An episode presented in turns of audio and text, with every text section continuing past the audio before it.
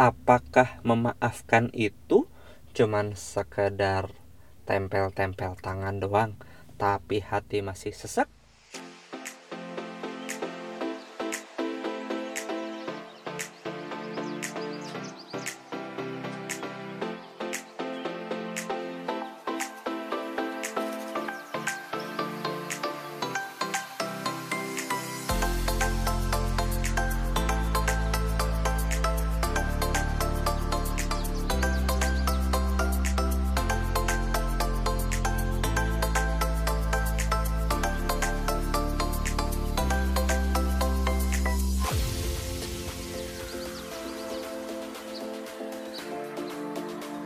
Assalamualaikum warahmatullahi wabarakatuh. Sobat JDA sekalian Apa kabar anda hari ini?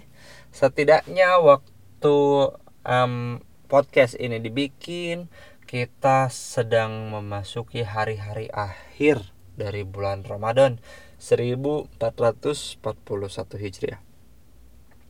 Dan Sobat JDA sekalian Wow. Nggak nyangka ya uh, Kita bisa melewati bulan Ramadan yang sangat berbeda dari yang sebelum-sebelumnya yaitu adalah Ramadan yang diem di rumah aja dan sobat jadi sekalian seperti biasanya mungkin kita juga sebentar lagi akan merasakan sebuah sensasi di mana Idul Fitri yang mungkin biasanya kita pergi ke rumah orang tua, ke rumah banyak saudara dan kita mendem diam di rumah. Ini unik bulan Idul Fitri ini semoga tidak menghilangkan esensi kita untuk kita kembali ke fitri, ke fitrah. Fitrah itu apa sih? Fitrah itu tuh sebenarnya adalah potensi kebaikan. Jadi kalau misalkan kita ngeliat anak bagaikan anak-anak kecil yang baru lahir kan banyak yang bilang gitu ya.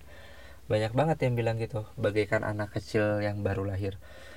Jadi anak yang baru lahir itu kullu mauludun yuladu ala fitrah setiap anak terlahir dalam keadaan fitrah. Nah, maksudnya fitrah di sini, sobat JDA sekalian, ternyata itu adalah uh, kalau kita pernah dengar bahwa anak terlahir seperti kertas putih, polos gitu. Pernah kayak gitu? Nah, bukan itu. Karena kalau misalkan anak terlahir seperti kertas putih polos, kalau kita ibaratin ada sebuah uh, nilai gitu ya, uh, bayangin aja ada sebuah deretan angka. Ada 0, 1, 2, 3, 4, 5, 6, 7, 8 segitu seterusnya semakin ke kanan semakin besar angkanya. Dan kemudian di sebelah kiri angkanya itu minus 1, minus 2, minus 3, minus 4 dan seterusnya sampai semakin lama semakin besar minusnya gitu.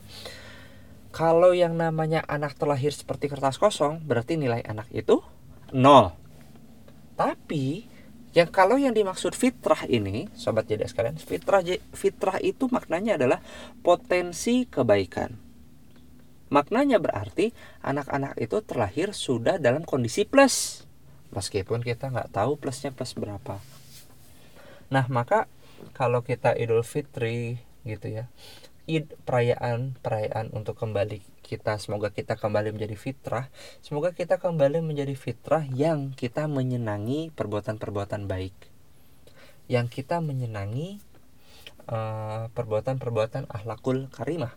Salah satu perbuatan baik dan ahlakul karimah yang senantiasa suka ada di bulan Ramadan itu adalah tentang memaafkan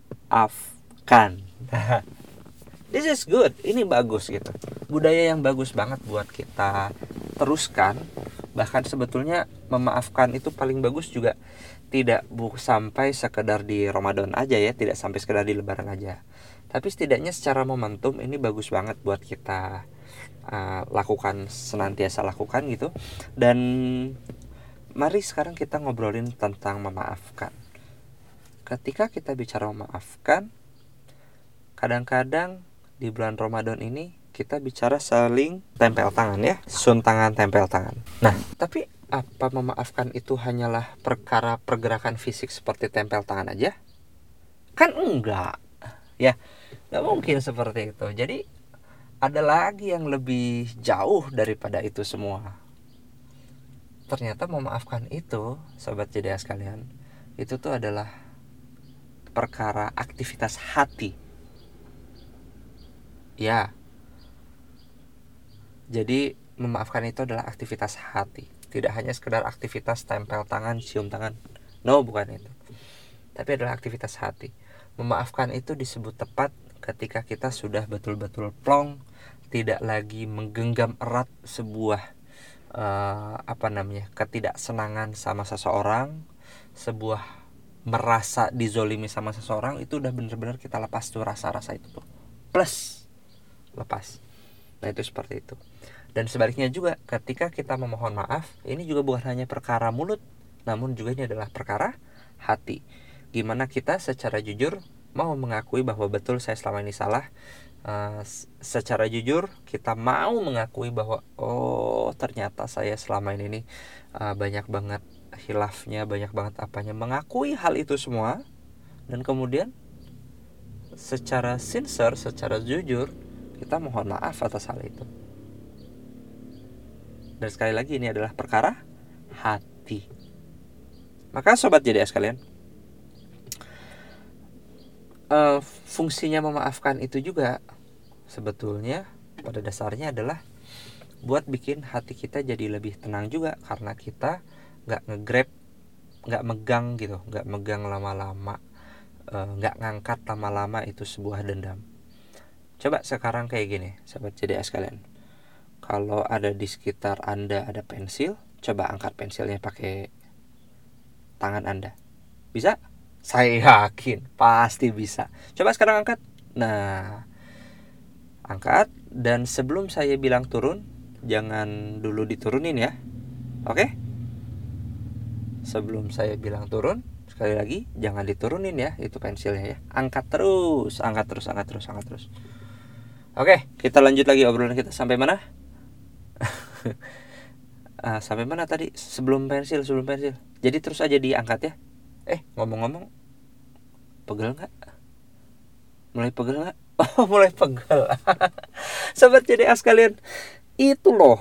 Kita cuma ngangkat pensil doang bisa ringan gitu. Tapi coba kalau diangkat terus-terusan selama uh, berjam-jam gitu. Satu jam aja eh satu jam aja ngangkat pensil kayaknya pegel.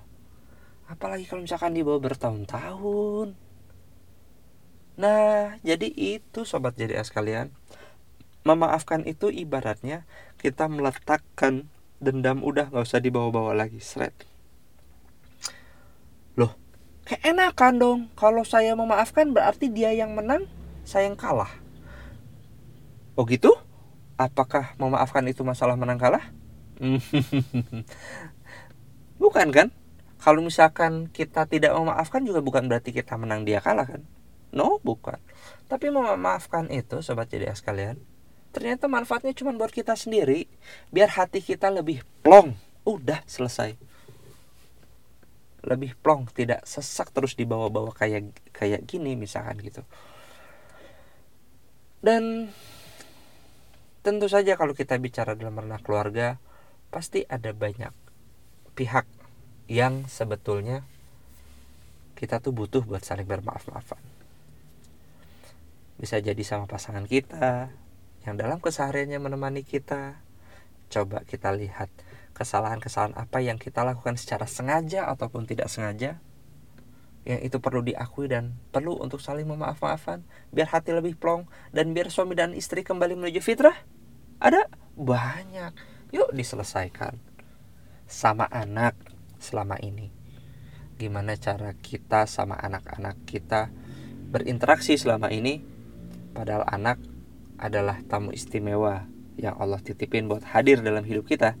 Itu kalau kata guru saya Ciko Kina beliau bilang gitu anak itu adalah tamu istimewa yang hadir dalam hidup kita atas kehendak dan persetujuan Allah. Nah maka sobat jeda sekalian itu juga selama kita berinteraksi sama anak-anak kita ada nggak sih masa-masa di mana kita juga hilaf gitu? Perlu nggak sih kita juga minta maaf sama anak? Nah yuk kita beresin dari hati kita. Maafin anak-anak kita. Kita juga yang nggak kalah penting adalah minta maaf sama anak-anak kita jangan-jangan selama ini kita ngedidik mereka itu hanya berdasarkan nafsu aja. Nafsu iya orang tua kan punya nafsu. Nafsu pengen diturutin sama anak-anak. Ya kan? Nafsu memaksakan kehendak dan lain-lain macam-macam.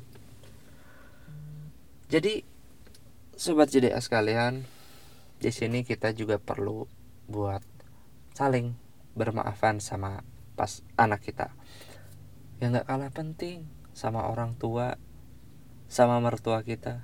Ada nggak sih? Nah yuk. Mulai memaafkan. Karena sekali lagi ingat sahabat jadi sekalian ini, adalah perkara hati. Perkara hati.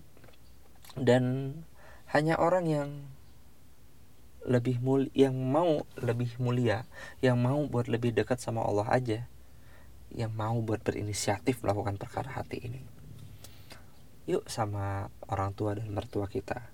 Coba cek interaksi kita selama ini seperti apa. Dan kehadiran kita di dunia ini kehadiran pasangan kita di dunia ini wasilahnya mereka loh. Terlepas dari apa dan bagaimanapun aktivitas tindakan interaksi mereka selama ini kepada kita.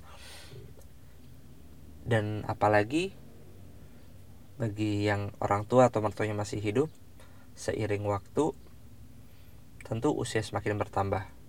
Dan konon kalau usia semakin bertambah semakin tua konon banyak yang bilang katanya uh, tindakan bakal kembali lagi mirip seperti anak-anak. Ya karena secara neurologi misalkan secara otak secara apa namanya otak syaraf ya itu semua kan akan pelan-pelan terdegenerasi. Mulai pikun-pikunan mulai uh, macam-macam kerasa lah pokoknya. Mungkin kita belum ngerasa gitu. Tapi masa kita harus ngerasain jadi tua duluan baru kita bisa empati sama orang tua dan mertua kita? Setidaknya hmm, mereka sudah mengasuh kita mendampingi kita sampai kita besar dan kemudian melepaskan kita ketika menikah maka selanjutnya ya yuk kita maaf maafan kita ya nggak kalah penting sahabat jadi sekalian coba deh cek. Kita kayak gimana sama orang tua kita? Perlakuan kita gimana? Kalau kita ngerasa orang tua kita kalau kita ngerasa orang tua kita pasangan kita mertua kita ya orang tua kita dan mertua kita itu tidak sempurna sebagai orang tua. Tahu nggak kenapa? Anaknya juga nggak sempurna. Karena kita juga nggak sempurna. Ya. Jadi kita sebagai anak yang tidak sempurna dan juga kita menyikapi orang tua dan mertua kita yang tidak sempurna. Yuk toleran. Yuk kita maafkan. Dan tidak hanya sampai sekedar maaf dan mengakui kesalahan atas perlakuan-perlakuan selama ini yang gak kalah penting adalah setelah adanya fitrah ini Idul Fitri ini yuk kita jalin lagi hubungan sama orang tua dan mertua dengan kondisi yang jauh lebih baik lagi dan kondisi yang jauh lebih penuh cinta lagi. Karena nggak ada yang tahu loh mereka di dunia ini sampai kapan. Eh jangankan mereka deh kita sendiri tahu nggak sampai kapan? Masa kita mau meninggal dengan membawa dendam? Dan dendam-dendam ini mau dibawa nanti buat dihisap nanti di hari akhir? Aduh ya Allah. Gak kebayang eh. Maka yuk di budaya saling memaaf-maafan ini saling memohon maaf minimal di keluarga kita kita lakukan yuk aktivitas hati ini kita lakukan maaf-maafan ini sampai ke aktivitas hati. Bukan hanya sekedar aktivitas tangan nempel ke dag ke mana namanya nih ke jidat atau misalkan cium tangan aja atau mungkin hanya sekedar lip service maaf ya maaf ya. No bukan dari itu tapi lebih dari itu lagi jadikan maaf maafan ini adalah sebagai sebuah aktivitas hati sekian dari saya sobat jadi sekalian semoga bermanfaat. Wassalamualaikum warahmatullahi wabarakatuh